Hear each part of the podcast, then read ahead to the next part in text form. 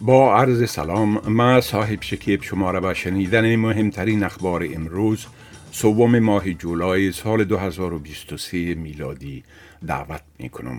کمیسیون ملی نظارت بر مبارزه با فساد امروز راه اندازی شد تا به نگرانی های عمومی در مورد عدم شفافیت در پارلمان استرالیا رسیدگی کند.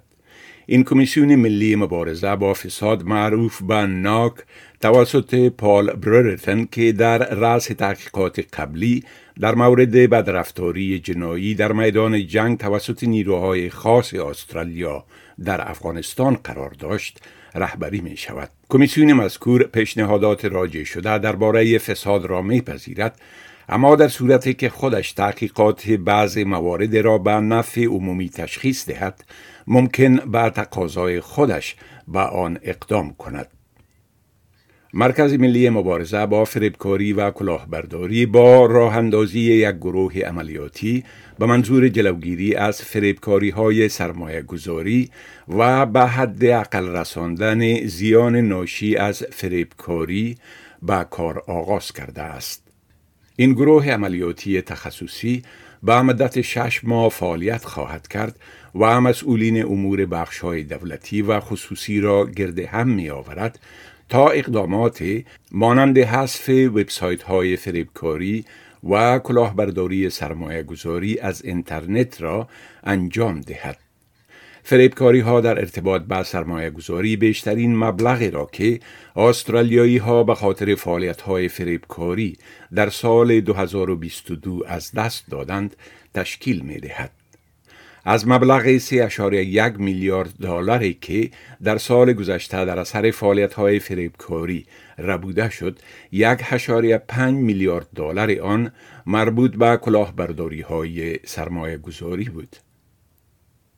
پس از پنجمین شب ناآرامی در فرانسه مادر کلان پسری که توسط پلیس در حومه پاریس کشته شد می‌گوید که می‌خواهد شورش سراسری پایان یابد. این تظاهرات در پاسخ به گلوله‌باری کشنده پلیس بر نوجوان 17 ساله به نام ناهل با آتش زدن وسایل نقلیه و خشونت علیه پلیس ویترین های مغازه های محلی و اخیرا علیه خانواده شاربال پاریس منجر شده است. برنامه غذایی ملل متحد گفته است که گرچه پیش بینی می شود که حاصلات گندم در افغانستان به مقایسه سالهای قبلی بهبود بیابد ولی این حاصلات در ولایات غربی ممکن باز هم کمتر از حد اوسط باشد. این اداره در گزارش گفته است که کسر گندم برای سال 2023 پس از سومین خشکسالی متوالی در افغانستان سی تا سی و پنج فیصد پیش بینی می شود. در گزارش علاوه شده که هجوم مداوم ملخها در شمال افغانستان یک چهارم از حاصلات گندم را تهدید می کند.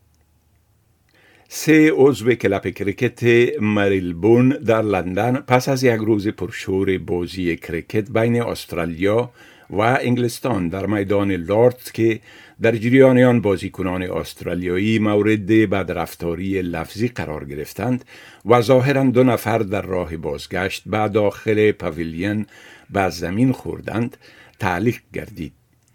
MCC بیانیه صادر کرد و گفت تا زمانی که تحقیقات صورت می گیرد به این اعضا اجازه بازگشت داده نخواهد شد.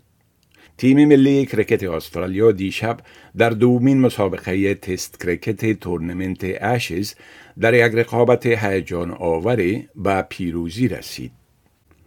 پایان اخبار از برنامه دری رادیوی اس